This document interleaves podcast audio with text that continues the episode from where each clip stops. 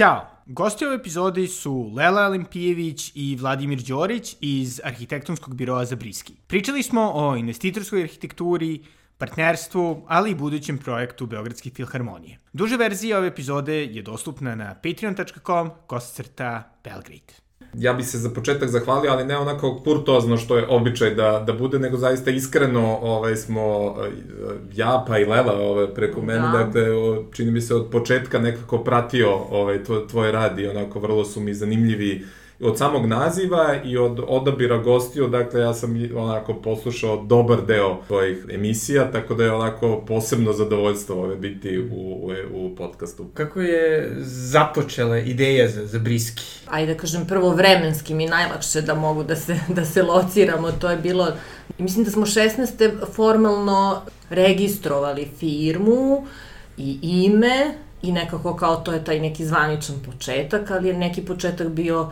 i pre toga, kada e, smo se nas troje, dakle Vlada, Milka i ja, a ja kažem sreli posle deseta godina e, pojedinačnih iskustava u poslu i u životu, da tako da. kažem. Inače smo kolege s fakulteta i mislim na fakultetu nismo toliko ni bili možda, mislim nismo, nismo to pokrenuli iz nekog, neke bliskosti prijateljske pre svega, mislim ta bliskost se posle, mislim, dogodila, čini mi se, više kroz posao, ali u tom trenutku, s jedne strane vlada i ja smo imali i niz nekih preduzetničkih iskustava za tih deseta godina i neki, da kažem, broj nekih i klijenata s kojima smo već ovaj, radili. Ja sam imala i ovaj, jedan isto pokušaj, mislim pokušaj, osnivanje takođe jedne arhitektonske firme, takođe partnerske što mi isto bilo dragoceno iskustvo kasnije, u ovom našem delu posle saradnje. Vlada je radi, imao je iskustvo e, rada u javnoj upravi, a Milka je pak 10 godina radila u arhitektonskom studiju, dva studio koji su vodili i vode e, profesor Milan Đurić i Aleksandru Buja, tako da mislim da je tu nekako ona već za to vreme imala jednu, mislim možda i ponajbolju arhitektonsku praksu ovaj, mogla da stekne zapravo u smislu rada baš na idejnim rešenjima, različitim tipologijama od nekih javnih objekata, logističkih centara. I nekako je ona u tom trenutku bila ovaj, šta dalje, čak je i razmišljala o tome da ide, imala je nekakav pokušaj da ode u inostranstvo, mislim, ona nešto sever Evrope, pa se vraćala, pa tako dalje. I, ovaj, I još da pomenem i četvrtu našu partnerku, Kseniju, od koje smo zvanično ovaj, u tom nekom partnerskom odnosu od pre nekih godinu dana. Međutim, mi smo se zapravo sreli i združili baš na tom početu, ta 2016. Ona je od tada sa nama uh, ovaj, e, u kancelariji, ona, ona, se ba, ona je već imala svoju, e, ajde da kažem, svoj mali studio koji se e, bavio i već imala neku ekspertizu iz oblasti interijera. Međutim, eto, posle nekog vremena, neko smo bili ovih godina fokusirani na, arhi, na arhitekturu, a sa Ksenijom smo povremeno sarađivali i, i delili prostor i tako se i, i, i nekako zbližili, pa smo sad, eto, i sa njom se o, udružili. I ono što je dosta zanimljivo za vašu firmu je to zato što imate dosta definisane uloge i baš i partnerstvo u tom smislu. Kako to zapravo izgleda? Kako ste odlučili da se tako specializujete? Pa, čini mi se da, iako nismo možda umeli da formulišemo na samom početku šta je, kako se zovu te uloge i šta to treba tačno da bude, znali smo od samog početka da je potrebno da diferenciramo, da prosto jasno, da, da pokušamo da odredimo ko šta radi i da ne možemo svi sve da radimo, dakle da ne možemo svi da budemo, da učestvujemo svim procesima vođenja jedne firme. I te kasnije smo kroz neke i edukacije, sa, samo inicijativno i knjige i podcaste ove, došli do te neke definicije ko, za koje ja duboko verujem da je tačna i ispravna, to je da je nemoguće u jednom čoveku da se sadrži i umetnik i preduzetnik i menadžer. Ja verujem da dve od te tri funkcije može da iznese jedan čovek, taj treći je on, Michelangelo je, ne znam, neka renesansna ličnost koja za koje sumnjam da sada može da postoji. Tako da u ovom trenutku dakle, imamo tu, tu sliku, ovaj, iako to nije baš, mi se i dalje bavimo tom diferencijacijom, dalje radimo sa konsultantima i dalje pokušavamo da još jasnije to strukturiramo i još jasnije uvedemo procese i neki naš naredni cilj je da napravimo sistem koji će jednom trenutku biti samodrživ i bez nas, dakle i bez našeg operativnog učešća i bavnja, iako Lela i ja sada više nismo zaduženi za nekako operativno vođenje projekata, više smo u nekoj strategiji, u nekom business developmentu, kako si rekao, ali da e, čini nam se da tu ima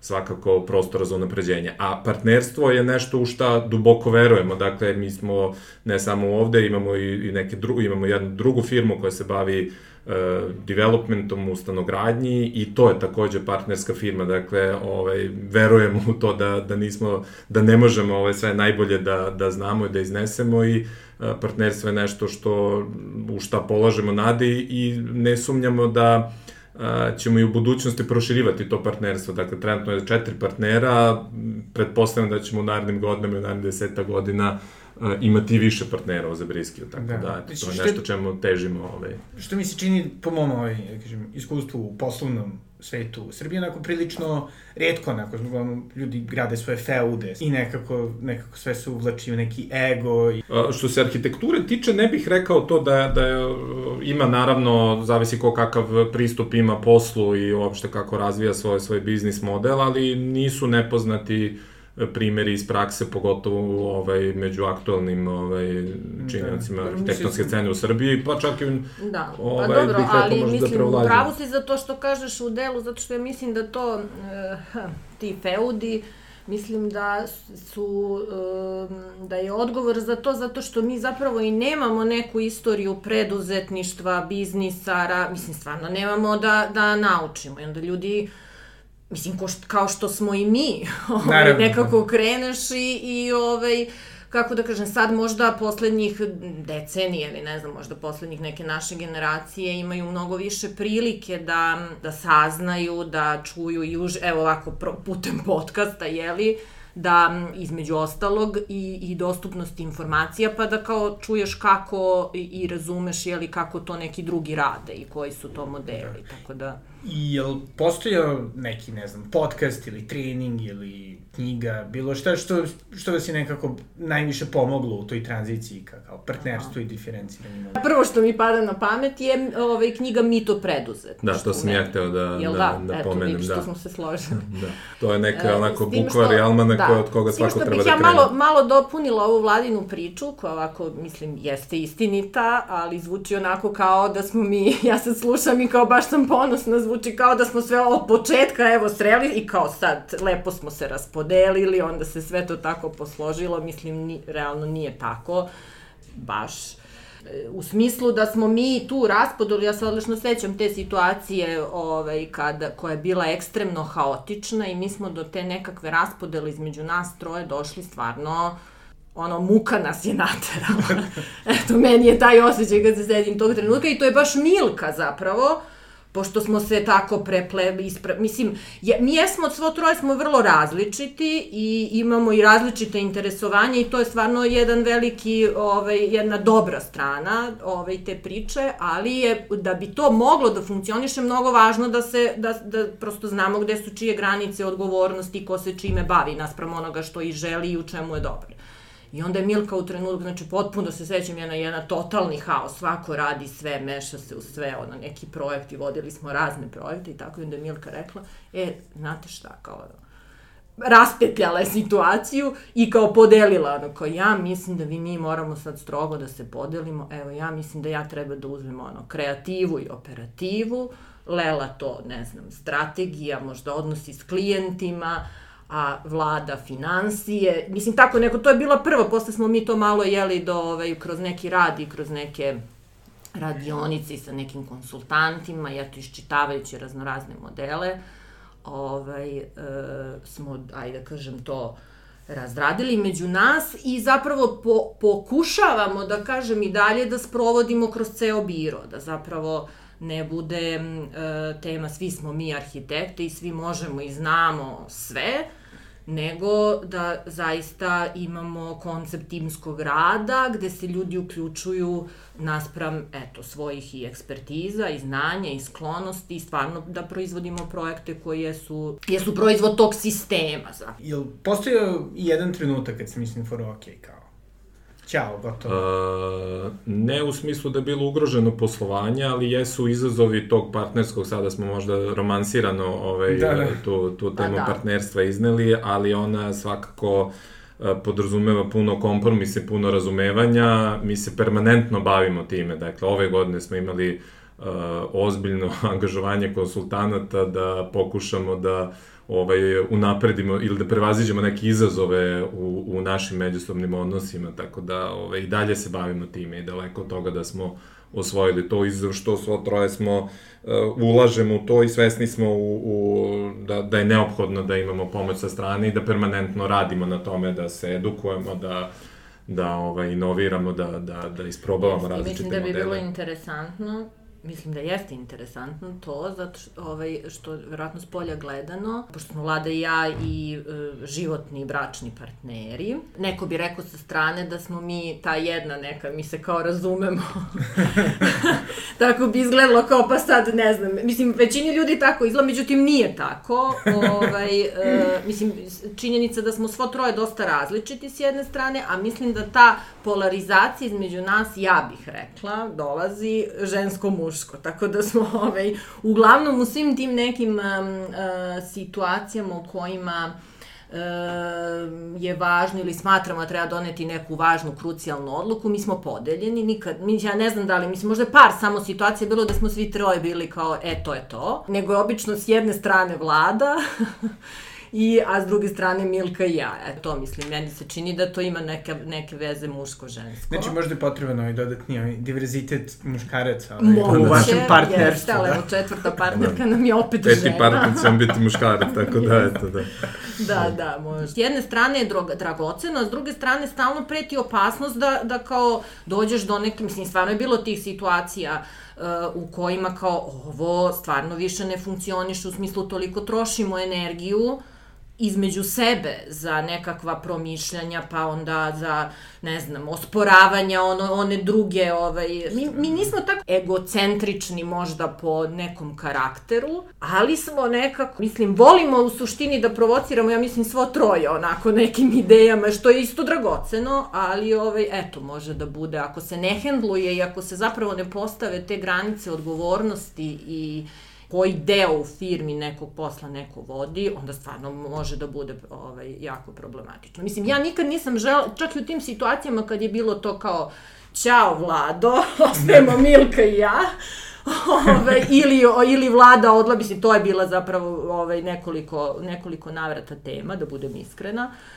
ovaj, nikad nisam nekako, i mislim da niko od nas nije, nije imao tu temu da odustane od posla i da odustane da, da. od daljeg, arhitekture, da. od arhitekture, nego, nego je prosto, hajmo da ovo nekako rešimo, pa bilo to i tako, i da nastavimo nekako, ne znam, da li razdvojeno, da li opet negde možda da se sretnemo ili ne, eto. Da, ima jedna stvar koja nam je, onako, svom tro, svima nam je ovaj, zajednička, to je da vrlo transparentno i o tim nekim slabostima, ovako, nemamo problem da pričamo, da. prosto da, da, da iznesemo javno i failove i, i ovaj, neki izazove sa kojima se očevom, tako da to je bilo ovaj, sa kojim kada smo konsultantom radili, svi su bili onako prijatno iznenađeni, ponekad i začuđeni našim nivom transparentnosti ovaj, O, Jeste, ne, to je dobra strana, ali stvarno. Mislim da je to korisno ove, što, i dragoceno i zdravo. Ali, ali ono, svi se u početku kao, pa vi ste super kako vi dajete prostora jedno dru, drugome i kako imate tu, kako da kažem, svako ima tu neku stranu da može sebe da sagleda malo dalje od samog sebe i to jeste stvarno dobro Međutim, posle kad podmakne taj proces, onda su, onda su svi ono kao, boga mi nije vama lako. Da, Ove, ovaj. da. Ali eto, i na tome se radi. Što je zapravo sjajan šlagvort za ovaj. Sledeće mm. pitanje, koje se bavi prostorom, gde bi možda bilo dobro da postoji više transparentnosti i neke kritike, yes. a to je ovaj, arhitektonska kritika u Srbiji. Da. I nekako ovaj, u razgovorima sa dosta arhitekata ovde, neko stiče se utisak da nekako trenutno, ne samo da ona nema puno medijskog prostora, nego jednostavno da je prosto vrlo često ni nema. Pa, nepostojanje, ja bih rekao, te arhitektonske kritike uopšte kao takve je veliki hendikep za, za, za arhitektonsku zajednicu. Dakle, u Hrvatskoj recimo ja to često pominjem mnogo bolje stanje dakle ima ovaj no ima ima ima kako bih rekao i medija koji se time bave i kritičara. Nekako mi se čini da arhitektonska zajednica treba sama da indukuje to u nedostatku toga. Mislim da sami treba da pomognemo da podstaknemo ovaj, tu stvar i ono kako ja vidim tu arhitektonsku kritiku gde ona nedostaje ne nama samima ovaj, nego pre svega da nađemo način kako da se ta arhitektonska kritika reflektuje na ono što se trenutno gradi na investitore, na developere, a to je moguće samo preko mainstream medija. Dakle, arhitektonska kritika koja ostane na nivou nekakvih akademskih uh, krugova ili u nekim zatvorenim bablu, je nema nikakve, ja ne vidim neku sada korist za to kako će to imati refleksiju na naše gradove, ali ako bi uspeli zajedno Dobro, da pronađemo način kako da to, da, da malo pogodi da investitore ili developere, dakle to pa neka, neka vrsta kritike koja bi mogla njima da utiče na poslovanje, pa bi onda možda kroz sledeći objekat pažljivije birali način kako se ophode prema projektu, prema uh, uopšte realizaciji, možda bi time promenili taj diskurs uopšte. Ovaj, dakle, u ovom trenutku mnogo me više interesuje taj nedostatak arhitekture na mainstream medijima, to mogu da budu potpuno, kako bih rekao, neki lifestyle portali ili nek, dakle, nešto čime možda se utiče na šire na širu javnost, a pogotovo na, na developere. Doduše, meni se čini da nekako ono, veći problem je kod nas zato što nema pohvala. U smislu, ili postoje mm. PR tekstovi, što je ipak da, stvar za sebe, jest. a nekako nema ono sad, e, ovo je baš sjajan projekat, dobar je iz XY, Z razloga, već da nekako postoji ta neka opšta kritika investitorske jeli, mm -hmm. arhitekture, vrlo omražen ovaj, mhm. termin i često korišćen. Iako zapravo to onako, mi se čini da čini ipak većinu poslova i od uvek je mm -hmm. činilo.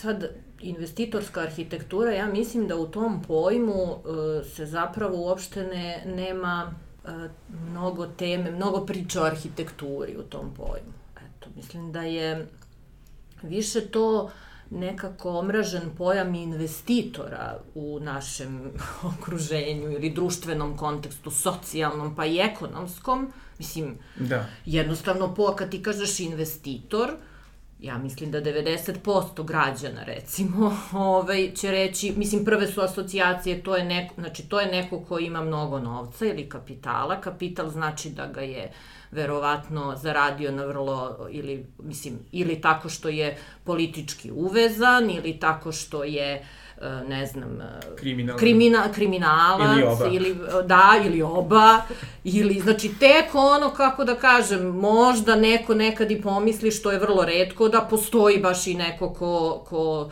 ne znam, radi desetinama godina, bavi se nekakvim ulaganjem, pa je i došao na neki ne tolika, ne tako sporan način. Ovaj. Što mislim da je problematično za samo društvo naše, takav odnos prema... Pa samim tim onda, kako da kažem, kad se tako, tako, tako društveno vrlo jako oboje neki pojam, onda sve što je, onda i arhitektura, kako mislim, ja, ja ne vidim, i, i, mislim sad na ovu temu i kritike da se nadovežemo, zaista sve te neke, kako da kažem, uslovno rečeno, aktivistički, neki ideološki tekstovi koji se, koji se pojavljuju, a koji su, da kažem, kritika te, te investitorske arhitekture, zapravo ne pričaju priču o arhitekturi. Mislim, e, niti o urbani, mislim, nema, ne, nego je prosto ta tema, evo, aha, pojam investitor, neko koji uložio neki novac, znači to znači da, ne znam, su ugroženi, većina građana ovaj, je zapravo javni prostori su ugroženi, sve, mislim što, što jeste, kako da kažem, u, u većini slučajeva jeste tako.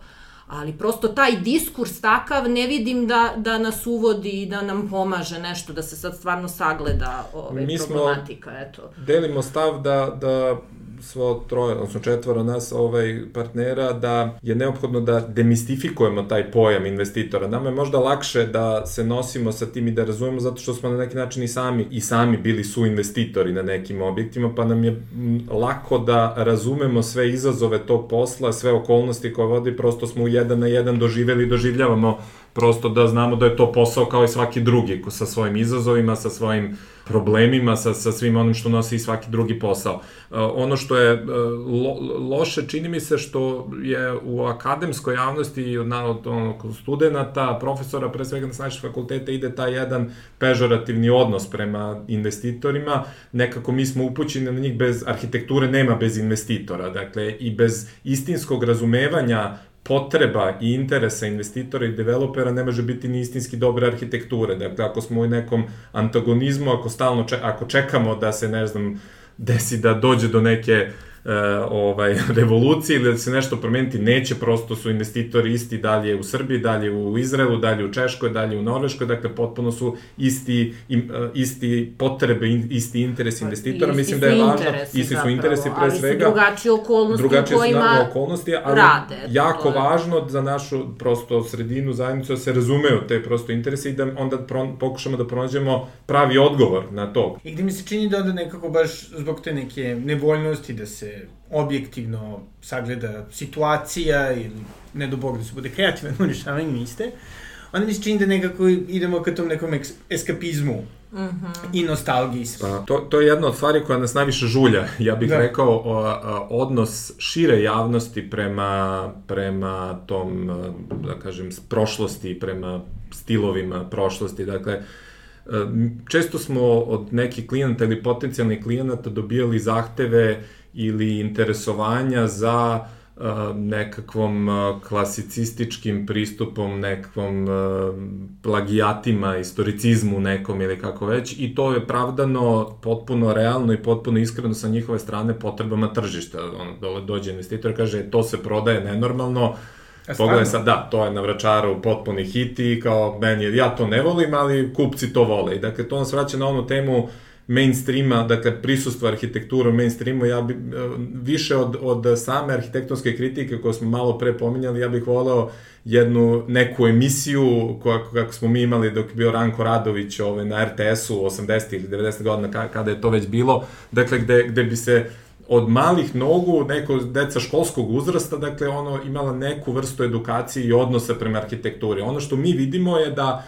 taj, uh, kako kažem, nedostatak obrazovanja, arhitektonskog šireg obrazovanja, ovaj, nema veze sa, s nekom socijalnom kategorijom, sa obrazovanjem, dakle, često čujemo to da se nekim ljudima vrlo obrazovanim, sa ostvarenim, ko, ovaj, im se dopadaju neke stvari koje su potpadaju po domen kiča i treša, nekog arhitektonskog treša, dakle, i to je onako što prilično zabrinjava, a zapravo je to posledica toga da jednostavno ne postoji, nema prilike da se komunicira, da moderna, savremena arhitektura, često ljudi boje toga, često ne umeju da pročitaju, ne umeju da, da shvate prosto šta je to moderno ili šta, šta je iza nekakav savremen arhitektonski izraz. Eto, to je, to je nešto. Samo se nadovežem, pa ćemo onda prokomentarišemo ovaj, ove stare stilove, ovaj, ali e, na temu ovog, ovih, kako da kažem, popularnih medija. Mislim, skoro nas je pozvao jedan e, portal vrlo onako populistički, da tako kažem, sa ono, onim nekim naslovima za klikove.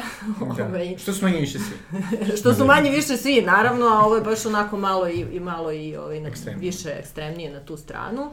I kao da, da prikažemo stan, neki od naših stanova, kao pa da se predstavimo i kao u kakvim stanovima žive arhitekti. I sad mi smo tu među sebe ono ne, ne, ovaj, kao komentarišemo pa gde ćemo sad to na tom portalu, pa kao nije to baš, da li je to mesto gde mi treba da se promovišemo? I onda smo nekako kao pa da, to jeste upravo mesto gde treba da se pojavimo. Znači, ha, umesto, da, umesto da stojimo i da stalno komentarišemo kako nam zauzimaju prostor, ne znam, pevačice, rila, reality, ne znam šta već ti ovaj, clickbaitovi ovaj, na medijima. Podcasteri. Evo, eto da. Evo kao dobro, lepo te ljudi pitaju, evo hoćeš da predstaviš stan, pa napravi ne, i pričaju o arhitekturi. Ti iskoristi taj model da kažeš nešto valjan i to ne sad da, da ne, sa, ne sa mesta da sad ja predstavim sebe kao ja sam sad vidi ne znam kako imam strava ukus da izaberem naočar ili vidi kako imam ne znam kako dobro zarađujem pa mi je strava stan jer nije tako nego, evo, živimo tu i tu, evo nekakav model za neko ko čita kako da, da angažuje arhitektu, kako da promisli, kakav odnos, kako da kažem, eh, treba da ima prema svom životnom prostoru. Mislim, to se pre svega, po meni, postiže kroz te popularne medije. A mi nekako kao struka i kao mi koji smo zapravo u poslu, kao da veći, većina nas imamo, imamo strah od toga da se na taj način izložimo, kao bogati ne znam šta ćemo proizvesti, ovaj, ne znam da li ćemo sebe izložiti nečim ili pak ne znam, stavit ćemo sebi neki pečat kao sad ako se pojavi za briski na tako nekom, ne znam šta. Mislim, a zapravo zauzimamo prostor koji treba da, da, ovaj, da bismo promovisali svoju struku. Eto. Da. Tako da, ovaj, to, to sam samo htela eto da dopunim na, na, na ovu temu, da mislim da je to stvarno mnogo važno. Onda kritika čini mi se da je tek kako da kažem, kad struka zauzme tako jednu poziciju, onda onda ima prostora i za bolji eh, kvalitet i za uh, sad ima tu naravno i do politike i do zakona i do svega, mislim, mnogo tema na kojima treba raditi, ali onda nekako čini mi se nadogradi se logično i to da. mesto da, da za kritičko sagledavanje onoga što se proizvodi. A, ovaj, a ovo pitanje isto interesantno što si rekao vezano za taj trend, ja to zovem trend ulepšavanja prošlosti. Mislim, što je opet e, isto posledica vremena u kome živimo, globalno, i mislim da to nije tema samo arhitekture, nego nekako tog konteksta u kome smo mi u trenutku gde ne možeš da se osloniš na, neš, na neku sadašnjost, a tek neku budućnost koja ti je, kako da kažem, Nesigurna. Maka, ekstremno nesigurna i onda prosto čovek ide u to da je predratna arhitektura ili taj, da ne pričam modernistički ovaj period, to je apsolutni, ono, kako da kažem, ne smeš da dirneš u to, nema preispitivanja, mislim. Da. E, ili realnog sagledavanja, isto tako period e, socijalističke ne samo arhitekture, nego uopšte ljudi idu do toga kad, mislim, prosto čitamo te neke popularne, ovaj, kroz popularne medije, knjige, ne znam šta sve ne, dizajn, povrat, pa potpuna jedna nekritičko sagledavanje tih perioda. I evo kao sad, sad strava nam je bilo stvarno u, u vreme Jugoslavije. Mislim, jesu neke stvari bile bolje, kvalitetnije nego danas i neki, neki kvalitetni proizvodi, ali ali nije, nije to model, čini mi se, koji može da nam pruži oslonac za dalje. I odgovor na izazove savremena. I odgovor na izazove, i, i pritom još, mislim, ono što, što mislim, što, nekako nama to savršeno jasno i kroz posao i kroz nekako praćenje mislim globalnih trendova, pitanje stila je zaista prevaziđeno u arhitekturi za 21. vek. Mislim, tema su sve više ekološki izazovi. I sad je, čini mi se, globalno. I onda, mislim, koga briga da li je nešto... mislim, mi smo mnogo zarobljeni i dalje stilovima, zato ja mislim zbog ovih trendova nekako, ovaj, pa kao i, i kupci ovo što kažeš nekako ti ono siguricati da se vratiš na nešto, jeli, čini, činite sigurnim nešto što je staro, nešto što je nešto ima, učitavaš mu neku ovaj neku vrednost, ali mislim da tu da je tu tema stilova vrlo vrlo diskutabilna za za neku budućnost. Ali dobro, to je izazov našeg posla da mi mi svakom tom poslu ili klijentu pristupamo sa kao neku vrsti izazova da i prosto smo uvek sigurni da svuda može da se provuče neki mali prostor, ne, neko malo osvajanje polja slobode, dakle da, da za neku savremenu artikulaciju, oblikovnu ili u materializaciji, dakle da on ne može naravno sa svakim klijentom to da budu nekakvi dometi e, vrhunski, ali sa svakim klijentom može da se napravi neka mali proces i edukacije i, i saradnje ili razumevanja koji može da, da poboljša korak po korak ovaj, da. i, i krajnji rezultat. Da, i evo na primer, jedan po mom mišljenju, zaista sjajnih primera, meni izrazito drag projekat, je Revolucija na bulevaru, Revolucija mm -hmm. na uglu, tako sa Gosfortivom mm -hmm. ulicom. Ove, recimo, baš primer jednog, po mom mišljenju, zaista vrednog projekta, koji je stvorio određenu pažnju u medijima, koja je onako bila vrlo kritička i vrlo onako zanimljiva, iako mm -hmm. po mom mhm. mišljenju izrazito yes, yes, da, ovaj, pogrešno, jeli, od priča o tome kako sad, eto, ruši se yes. ovaj, baština, zaista sjajan restoranorašac koji nikad ne bi smela da se poruši, ja i kad iz, izašte pitam, do jeli cele priče o tome kako je ovaj, zapravo ste inkorporirali i našu tradiciju ovaj, u otvaranju gradilišta. Da, a ne mi. Ali pa dobro, da. Ali okay. dobro, ovaj, da. Ovaj, jeste, jeste bila, ta tradicija jeste inkorporirana pri, ovaj, prilikom otvaranja gradilišta za jedan prilično modern objekat. I to je, izrazito jeste na toj lokaciji, tako da jeste sve, stvarno jeste ovaj, cela interesantna priča. Ja bih rekla da sad iz ove perspektive baš je koristan to bio trenutak za nas, sve što se to tako desilo, jer um, to je u suštini bilo neko prvo naše suočavanje sa zaista, ti kao arhitekta imaš svest o tome da ti intervenišeš u javnom prostoru i i odgovornost naravno, ali nekako sve računaš da će to sve, svi da razumeju tvoj napor i tvoj trud i da ono dobro što je, što je proizvedeno tome, a ne računaš da to zapravo ono, i istina je i u očima onog koji gleda sa punim pravom, eto. Tako da to, to je bilo baš, bilo je vrlo onako dramatično, čini mi se, u tom trenutku. Posebno što smo mi, mi smo u taj projekat zapravo uložili zaista ogromno vreme, ogroman entuzijazam. Bio je jako zahtevan zbog samog konteksta bulevara. S druge strane smo imali stvarno želju da, kako da kažem, konačno pre, predstavimo i dođemo do nečeg u što smo stvarno sigurni da je najbolje moguće moguće rešenje od svih koji smo. Tako da bi bilo mnogo interesantno možda nekom prilikom da napravimo malu izložbu ovaj, svih modela koje varijanti. smo varijanti za taj, za taj objekat, a mislim, ne znam, da ne lupetam sad brojke, ali stvarno Svakako beskrajan nekoliko niz. meseci istraživanja je prethodilo. Bukvalno i nekoliko pre... timova je paralelno radilo, kao smo napravili mini konkurs u, u okviru biroa I čak ono što je interesantno jeste da je tim urbanizmom bilo dozvoljeno još nekih otprilike, ja mislim, hiljadu kvadrata ili 700, 800, tako nešto, više nego što, je, nego što smo mi ovim projektom ostvarili. I naravno svaki investitor je prosto brojka puta cena kvadrata. Naravno, da. ovaj, je bio da se to beskrajno preispituje, da li može bolje, da li ovaj, I stvarno smo negde, mislim, realno zapravo smo radili be, isto beskraja niz uh, ilustracija koliko bi bilo besmisleno na raznorazne načine da se ta puna kvadratura ovaj, ostvari. ostvari. I nekako smo baš u tom trenutku bili zadovoljni što se to tako, baš smo bili ponosni, kao i posebno što i urbanistički nam se činilo da se to baš dobro vidi kako smo lepo zauzeli odnos prema kontekstu i prema gradu sa ovim ovako klecom, da kažem, da, da. i ovaj, uklapanje, mislim, što, da se što je...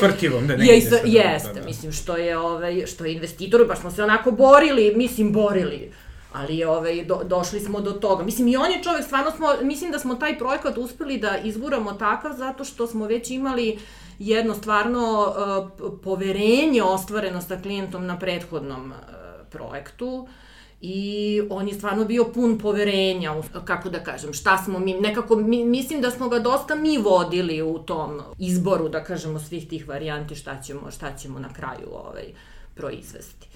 I onda se dešava taj tekst na ovaj, istinomeru koji uh, Mislim, mi smo ga, ne znam, mislim da smo, ovaj, ja se sećam da smo to pročitali, neko nam je poslao, ali je tekst bio vrlo, mislim, ja, ja ništa nisam prepoznala interesantno, baš sam jutro o tome razmišljala kao kako, kako ovaj, nismo uopšte prepoznali tu da je to zapravo priča o arhitekturi. Ja sam, i, mislim, i nije bila, ali ja sam mislila da to nema šanse nešto sada da, da ovaj, kako da kažemo, odjekne tako kako je odjeknuo, a zapravo u tekstu je bilo sve što, što treba. Mislim, tekst je bio naslovljen arhitekturom protiv Beograda.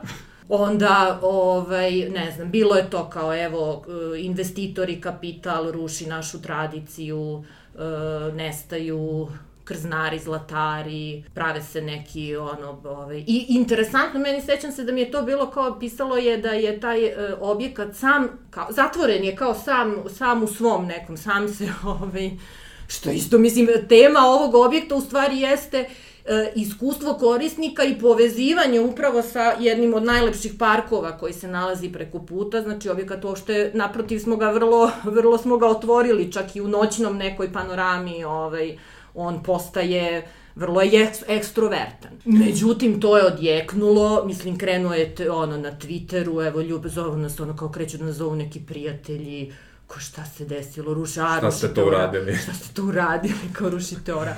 Sve Pritom do moraš da si toga- izrazito popularan, ovaj, od nestanka Apsolutno. domovine. Jeste, Pa je- jeste, pa da, da, da, to je ono, Mislim, nama Poslednja omiljen, zaista, ovako, stvarno, jeste. mesto.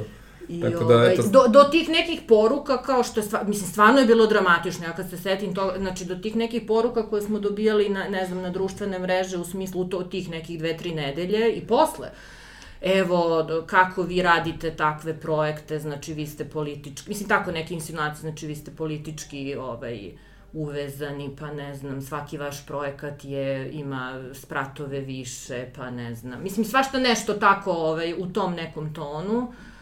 Što je stvarno bilo mnogo, nekako, ne znam, baš je bilo suočavanje sa tom percepcijom drugih koja, mislim, je takva kakva jeste. Da, i na kraju vo.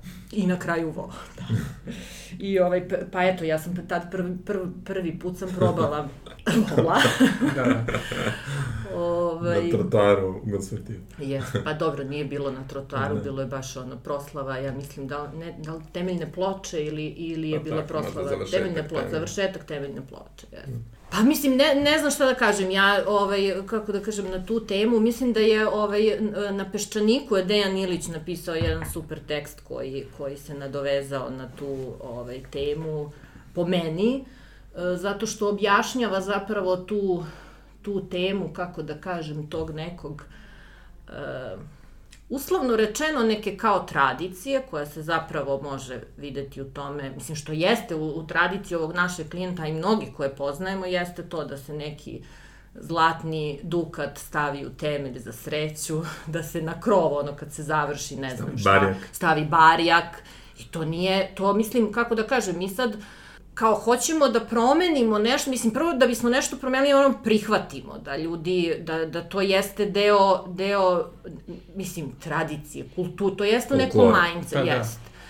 E sad, e, međutim, e, možda, je, možda to najviše ukazuje u to da, možda čak i tako konkretno onako jedna paradigma toga da ljudi pribegavaju zato što nemaju, kao i mi, Mislim, živiš u jednom društvu koje je ekstremno nesigurno. Sve je, ne, ne, ne postoje sistemi, ne postoje institucije, ne postoje Pa da kažem, ni eksperti, ni niko živi gde ti možeš ni kao, ni kao investitor, ni kao arhitekta, ni kao neki, kako da kažem, deo, ni kao građanin, da, na što možeš da se oslaniš i onda ti, otprilike, to je bila poenta tog teksta na Peščaniku koji se meni dopao na tu temu.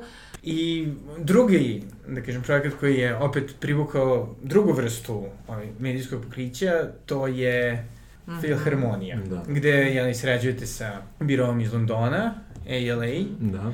Kako je to izgledalo? Pa, to je svakako vrhunac naše dosadašnje karijere, naravno, ovaj, e, na, ta priča je krenula pre jedno dve godine, sada je kad bio raspisan arhitektonski konkurs i to je e, za pojmove Srbije, pa čak i regiona, bio nešto vanredni jedan arhitektonski događaj pod pokroviteljstvom, odnosno u organizaciji UNDP-a, razvojne agencije Ujedinjenih nacija i to je bio verovatno najjači e, najambiciozniji i najatraktivniji arhitektonski konkurs u regionu, pa rekao bih u poslednje dve decenije, verovatno, koji je okupio sam krem uh, arhitektonskih firmi svetskih, to je neka liga šampiona, ajde tako kažem, i u predkvalifikacijama je učestvovalo 37 firmi, na kraju je odabrano 8 firmi koje su radile sam taj konkurs, A sve te strane firme, naravno uslovi konkursa su bili takvi da su po, bile neophodne ozbiljne reference i iskustvo u projektovanju takve vrste objekata koje nažalost nijedna firma u Srbiji nije mogla da Pa i ima i to šire je pa i više da. dakle da I, ovaj, I naravno sve, sve te firme koje su radile konkurs su tražile lokalne partnere. Mi smo imali sreću, da kako kažem, da, da smo ostvarili saradnju sa firmom Amanda Liveta Architect iz Londona i da smo ovaj nekako zajedno čini mi se pomogli dali taj lokalni know-how i lokalni kontekst i približili im uopšte čitavu ovaj problematiku izazove ovaj projekta na, na toj lokaciji da smo neko uspeli da iznedrimo to pobedničko rešenje, ovaj, tako da mi smo sada na nekoj, ajde da kažem, prvoj trećini uh, izrade te projektne dokumentacije i onako sa puno entuzijazma i sa nekakvom o, o, o povišenim nivom odgovornosti uopšte pristupamo ovaj, če, čitavom tom procesu. E, mogu kažem, uživamo u saradnji jer je to zaista jedan vanredni događaj i vanredni, vanredni objekat i po svoje ambicije. Naše mišljenje je da on daleko prevazilazi sve ono što smo mogli da vidimo u svojoj arhitektonskoj ambiciji ovaj, e, prevazilazi sve objekte koji su sagrađeni u poslednjih par decenija ovde u Srbiji, tako da biti deo jednog takvog projekta zaista je nešto što se može samo poželeti, to je nešto što, što smo, o čemu smo mogli samo da maštamo, tako da, ovaj, eto, sada smo... Prosto mi se čini da je izrazito uh mhm. -huh. dobar uh mhm. -huh. projekat. Kako je izgledala ta komunikacija vas i ovaj, Pa da, mi smo, mi smo u toj uh, ovaj, fazi uh, saradnje uh, dok su oni zapravo radili na samom rešenju. Naša uloga je većinski bila u tome da baš prenesemo taj lokalni recimo upotrebe, istraživali smo javne e, prostore, korišćenje javnih prostora u Beogradu i generalno u Srbiji, u smislu nekakvog ovaj, mini, kako da kažem, mini istraživačkog rada, gde smo davali ovaj, neke inpute, kakve su to e, prakse naših korisnika ovde, jeli? Onda smo imali nekoliko, ajde da kažem, do, do, mislim, oni su, oni su zapravo a, e, LA, LA, Ala, mi, mi smo ih prozvali Ala, ovaj, Ala je u stvari autor, mislim, rešenja, to, to svakako, ali smo mi imali nekoliko iteracija sa njima kada su prezentovali o, ovaj, u fazama radne. kroz rad, radne modele ovaj, i davali smo prosto smernice. Uh, U nekom trenutku nam je delovalo, iako je rešenje stvarno, na kraju smo i sami, mislim, stvarno prezadovoljni, mislim da je vrlo, ovaj, redko dobro, da kažem, da. Red, i, re, i, i baš vrlo, vrlo i uklopljeno i povezano sa, sa, i sa samom lokacijom. Delovalo nam je da, da će ovo kao da ode u neku, kao, kako da kažem, ne, ne, nemogućnost da se ovde izvede. Ali, ali eto, ne znam, mislim, do, super je bila saradnja, stvarno, i dalje jeste, mislim, u smislu, sad je naša uloga više u smislu uh, praćenja, kako da kažem, lokalnih, mislim, neki deo Propisa. projektanski, ali uglavnom pratimo sa lokalnim propisima, urbanizmom, uh, I eto, isto tako nekim smernicima. Mislim, oni smo, stekli smo u toj prvoj fazi, smo stvarno stekli njihovo poverenje. Tako je sad smo, i podeljen posao da mi tekako učestvujemo sad u razradi i u developmentu tog projekta, tako da... Jeste, tako da, mislim, korisno je stvarno vrlo, vrlo, ovaj, mislim, i ne, specifičan je način rada zaista na tako ve, velikom projektu, jer su sve internacionalni timovi. Evo, skoro je, smo imali jednu posetu studijsku, ovaj, Filharmoniji u Vroclavu, Vlada, Vlada je bio i bilo još troje, četvoro kolega iz našeg tima. Tako da je bila tema akustika da se vidi da. i čuje nešto što ovde nemamo priliku da, da ovaj, vidimo i iskusimo. Tehnologiju, da. Tehnologiju ovaj, tih, tih sala. Tako da, mislim da, mislim da negde smo se, o, i dalje imamo boja za neto kao da li će se to stvarno dogoditi. Da. Vrlo osnovano, zato što se mnogo toga ovde, mnogih projekata koji su, mislim, Neki za koje je sjajnih, za koje je obezbeđen budžet i koji su urađeni, prosto se nisu dogodili. Nažalost, to je tad neka tema naše ne, nedovršenosti zapravo i nemanja jeli, tog nekog pravca šta, mislim, ne znam, politički i društveno i svakako, tako da, ovaj, ali, ali smo ono, kao što Ivica jednom prilikom rekao, ovaj, e, bilo mi je to mnogo simpatično e, ovim kolegama iz Londona, kao, ali ako vam je nešto kao, ovaj, na što možemo da se oslonimo, eto, možemo da se osloniti da, eto, skoro svaki projekat koji smo mi radili je ili se izvodi, ili je za izvođenje, ili je dobio dozvolu, pa eto, nadamo se da ćemo, ovaj, doprineti, eto, makar na tom nivou. Ovaj. Da, neku kao sreću. Jeste, da. neku sreću. Da. da. Možda ovo ide nešto, ovaj, zakopamo da. ili zakoljemo. Da. yeah. Mislim, i, i dosta mojih prijatelja arhitekata se neko uvek žele, pa da, kao, u fazonu, eto, ja sam napravio super projekat, ali eto, da. investitor je to svoje, ja ne mogu, parem ruke od toga, a nekako čini mi se da vi ipak uspevate uh -huh. da Pa, mislim, ne znam, za to, za to ta problematika je vrlo ovaj, prisutna u smislu da ono što se, što se isprojektuje i kako se isprojektuje nije nužno ono što se izvede. Mislim, e, i mislim da je to većinski to, tako, za to e, ja bih poslednje u tom nizu nekakvih razloga zašto je to tako zapravo stavilo odgovornost na arhitektama, mislim. Mislim, ne zato što smo mi arhitekte, nego što je to prosto svuda tako, zato što uh, prvi jedan deo postoji ve, koji je vezan za nekakvu zakonsku regulativu, koja kod nas, sem što ne postoji, em što i ono što se postoji, se postoje prostori da se to ne, ne sprovede. Recimo, kada bi u zakonskoj regulativi postojala obaveza da se arhitekta, uh, ajde da kažem, obaveza da klijent pribavi potpis arhitekte prilikom dobijanja upotrebne dozvole, a to znači onda kada je izveo objekat, već bi to možda u nekoj meri smanjilo tu problem. Ne kažem da ne da bi nestalo, ali bi ovaj što u mnogim drugim uh, zakonima postoji. Takođe, mislim, jedan od razloga sigurno jeste i to što u našoj nekoj pa da, ja opet se vraćam na taj kulturološki mindset, nekako planiranje nije nama, ni klijentima, ni nama neka mnogo važna stvar. Ne držimo već ko klijent plata. E, to da. I onda kao sad ti, sad kao posledica toga se projekat nema tu, ovaj, i, a projekat jeste planiranje, nema taj značaj pre svega, mislim, ni kod klijenata, pa se onda ostavi mnogo malo vremena, pa se onda i cena upitna, pa onda samim tim i projekat ne bude dovoljno kvalitetan i prosto ti neke teme ne, ne možeš da dovršiš u projektu. I s treće strane, takođe postoje stvari koje su izazovi gradilišta svuda u smislu tehnologije, u smislu materijala, nekih procesa, eto. Tako da, kako da kažem, poslednje tu bih sad izdvojila odgovornost e, nekako arhitekata. Nije sad da mi ne možemo ovakve neke teme da pom postaknemo da se, dovije, da se dogode, ali trenutna situacija je takva i to su razlozi zašto, da, zašto to ostupa. Kako mi to uspevamo, mislim, ne, ne znam sad ovo kad si postavio pitanje, ja razmišljam kao kako smo mi to sad, ba, ba, baš vidiš i jeste i, i ovaj Merin Hill i Johna Kennedy i mi, ja mislim u velikoj meri, ni u velikoj mislim, projekta su u potpunosti sprovedeni, bukvalno, da, ne znam, 98-99%.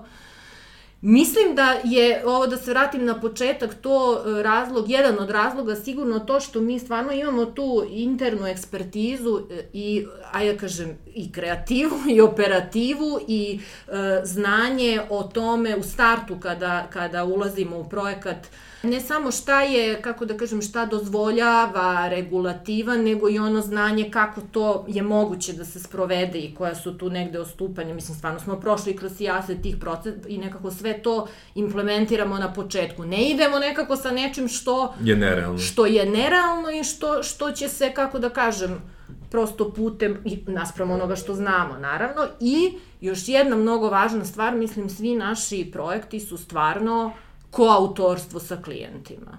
Mislim, mi stvarno nismo skloni, više smo skloni da smatramo da, naspram sobstvenih iskustava, da, kako da kažem, bez klijenta nije samo da, da nema arhitekture, nego ona je bolja zaista sa klijentom. Treba vam, e, kako da kažem, i nje, prvo nje, njegove želje, ciljevi, šta je njegov interes. Mislim, mi moramo da ispunimo interes klijenta, moramo. Mislim, da. I ne moramo, ali se neće ništa dogoditi. Znači, to je neophodan uslov. E, I, e, iskustvo, ne znam, potrebe korisnika koje iste nije sada da mi to znamo imamo da izvučemo iz džepa, nego jednostavno uvek sa klijentom prolaziš jer i njega to je ovaj, zanima. Mislim, i na kraju i na početku taj jedan doprinos tog projekta koji će imati uticaj na grad i na zajednicu. I mi nekako na svakom projektu uh, malo, možda ovde budemo, napravimo doprinos 5%, ovde 2%, ovde 60%, mislim varira, ali nekako treba da treba to sve uračunati. Već, u većini projekata nemamo, nema, nismo imali projektantski nadzor, mislim plaćen projektantski nadzor, zato što većina klijenata to ne smatra potrebnim. Ali smo nastavili da Ali smo nastavili, da, mislim manje ili više. Ali, ali važno je i da klijent ima ovaj svoj, recimo ovi projekti ovde koji su ovaj, e, su između ostalog nastali proizvedeni tako kako su projektovani i zbog toga što je klijent in-house imao svoj inženjering tim. Mm -hmm. To je isto važna, važan moment koji, koji, kako da kažem, prati izvođenje i uključi recimo nas kao, kao ovaj, ne samo autore, nego kao mi, mi smo sve projekte radili od, od idejnog rešenja, od, od koncepta pa do, do projekata za gradilište. Tako da su nas vrlo često tako uključivali sa nekim pitanjima, dilemama, ako nešto se negde odstupi, pa tu pomognemo. Ali to je isto važan ovaj moment ko je, mislim, klijent, koliko on uh, svesti značaj ima u tome da, da projekat prate stvarno inženjeri. Eto. Koliko je zapravo uopšte saradnja sa stranim studijima pomogla da, da sagledate neke razlike u praksama? Pa najinteresantniji i najdragocenije je možda neko, neke tehnološke inovacije ili uh, nekakve, kako kažem, alatke koje, koje koriste, a koje preuzimamo i mi polako, dakle to su, da, da ne zameramo sad nekim tehnikalijama, dakle, ali taj deo nam je nekako nama bio najdragoceniji, dakle, ne bih rekao da tu ima nešto mnogo više kreative ili neko mnogo više talenta ili mnogo više strasti nego što je ovde ima u, u, u našoj sceni, pre bih rekao da su, eto, možda mogućnosti, reference, projektni zadaci takvi da ostavljaju više prostora za za, za, za neku slobodu i za, za neko izražavanje, ili uopšte kulturološki taj milje ili tržišni milje je takav da ostavlja više tog prostora, a da nama nedostaje pre svega ta vrsta eto da unapređenja nekvih uh, u tom nekom tehničkom smislu. Uh, i i druga stvar je ta vrsta specijalizacije koja ovde još uvek nije uh, dovoljno izražena kod nas na tržištu, a to je da tamo postoje firme koje se bave isključivo fasadama ili se bave nekakvim E, samo akustikom, koje su arhitektonske firme, ali specializovane za, dakle, prosto imaju tu vrstu nekih nišnih polja i nišnih delatnosti koje mi ovde još uvek nemamo, nemamo na dovoljno razvijeno.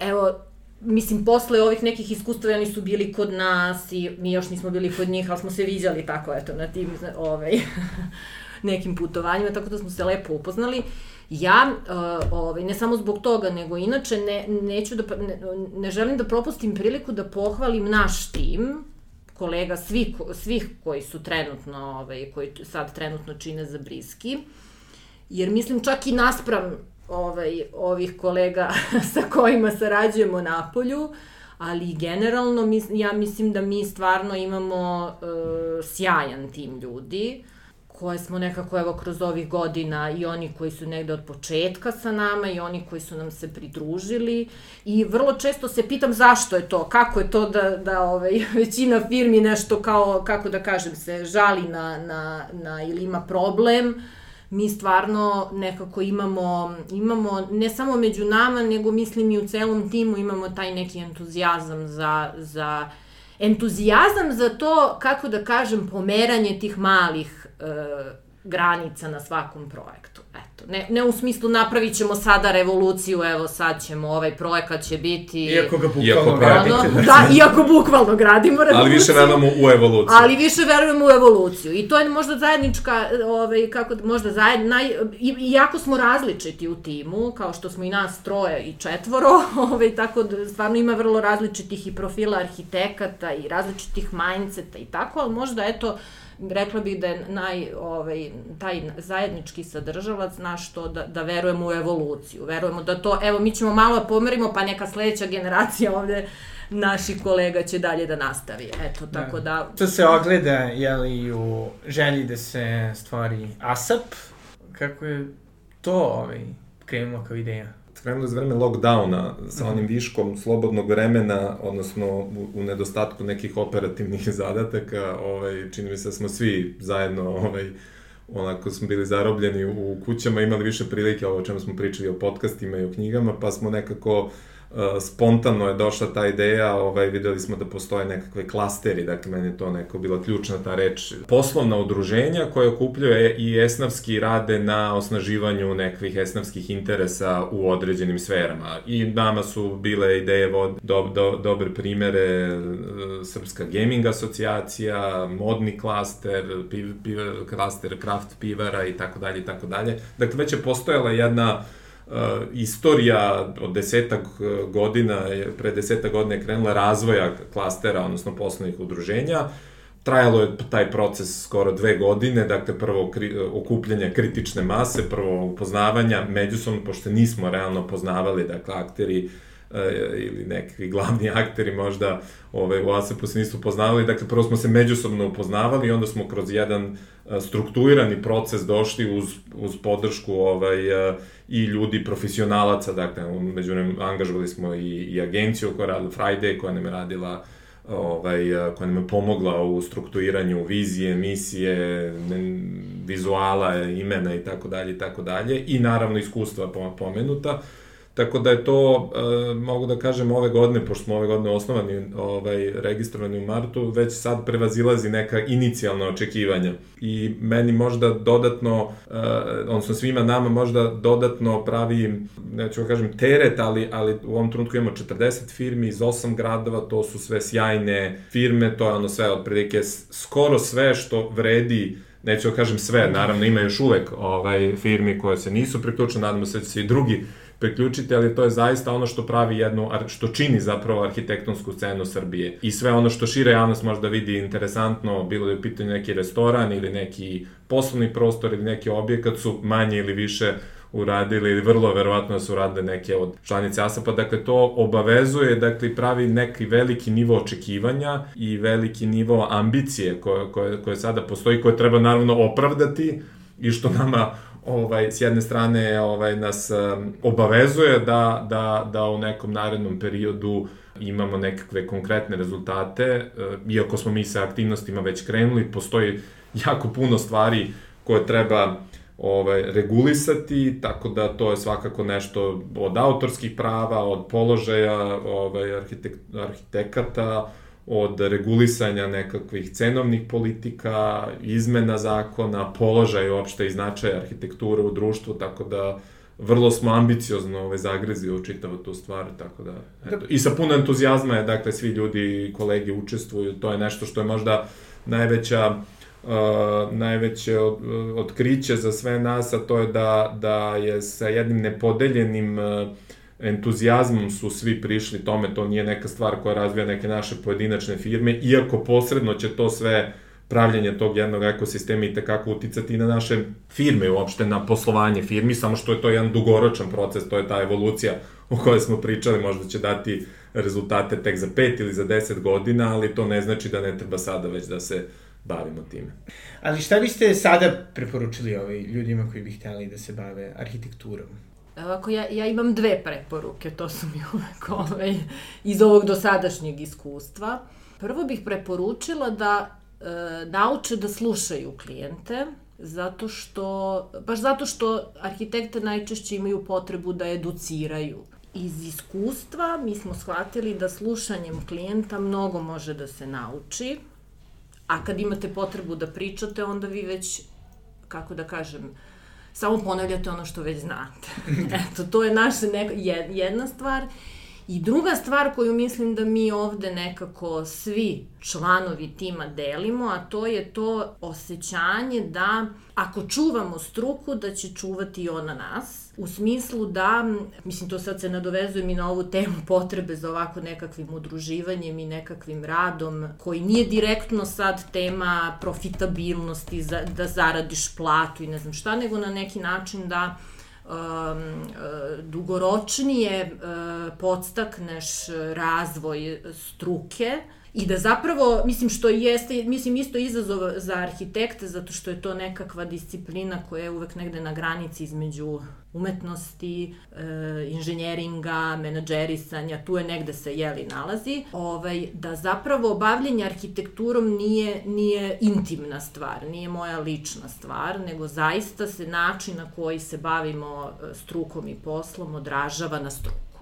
Tako da ovaj, ta druga tema je zapravo da treba da imamo, mislim, i mlade arhitekte koje tek kreću i verujem da je neka od ovih 40 firmi koje sada recimo dobar deo njih nije ovaj, uslovno rečeno poznat, ali nadam se i verujem da će za nekih deseta godina biti poznati i da eto tako jedno udruženje može da im da im pomogne da, da ovaj, eto, podelimo iskustva neka naša kako bi, kako bi se osnaživali međusobno. To je to. Mislim, meni je, meni je ta tema možda bliskija sada u ovoj životnoj fazi, sam više posmatra sebe kao preduzetnika nego kao arhitektu, dakle, ali ono što bih eventualno ovaj, sugerisao to, a što mislim da nedostaje našem fakultetu je upravo ta jedna neki razvoj nekakvih socijalnih veština, nekakvih skillova, so, u odnosu, ovo što je Lela pomenula, i u slušanju, i u razumevanju druge strane, i uopšte nekako permanentne edukacije koja je vezana za ja, mislim, ne da... samo usko stručno, nego dakle na jednom da. širom kontekstu, mislim da nam to je, ovaj, nedostaje. Mislim, mi imamo izazove, evo i sad nekih projekta, baš neki dan smo imali neku diskusiju internu, neku retrospektivu rada na nekom projektu, mislim, to smo nekako se svi složili da je zapravo uh, arhitekta uvek, nije samo to da ti sad razumeš projektni zadatak i da se dogovoriš, nekako mnogo je važno da razumeš sve društve društvene, ekonomske, socijalne mehanizme koji stoje iza tog projektnog zadatka, iza tih i zahteva klijenta i zahteva korisnika, a da to zapravo ne bude involviranje u smislu kao što je recimo bio modernizam, da. u smislu promenit ćemo sad mi Sve. ovde celo društvo našim projektima. Mislim, zato, zašto? Zato što, mislim, modernizam je završio, čini mi se, svoju priču, mislim, nije moguć u današnjem trenutku. Danas je uloga stvarno, čini mi se, mislim, moje mišljenje je, jeste da je uloga arhitekata u stvari u, u nekom delu rešavanje problema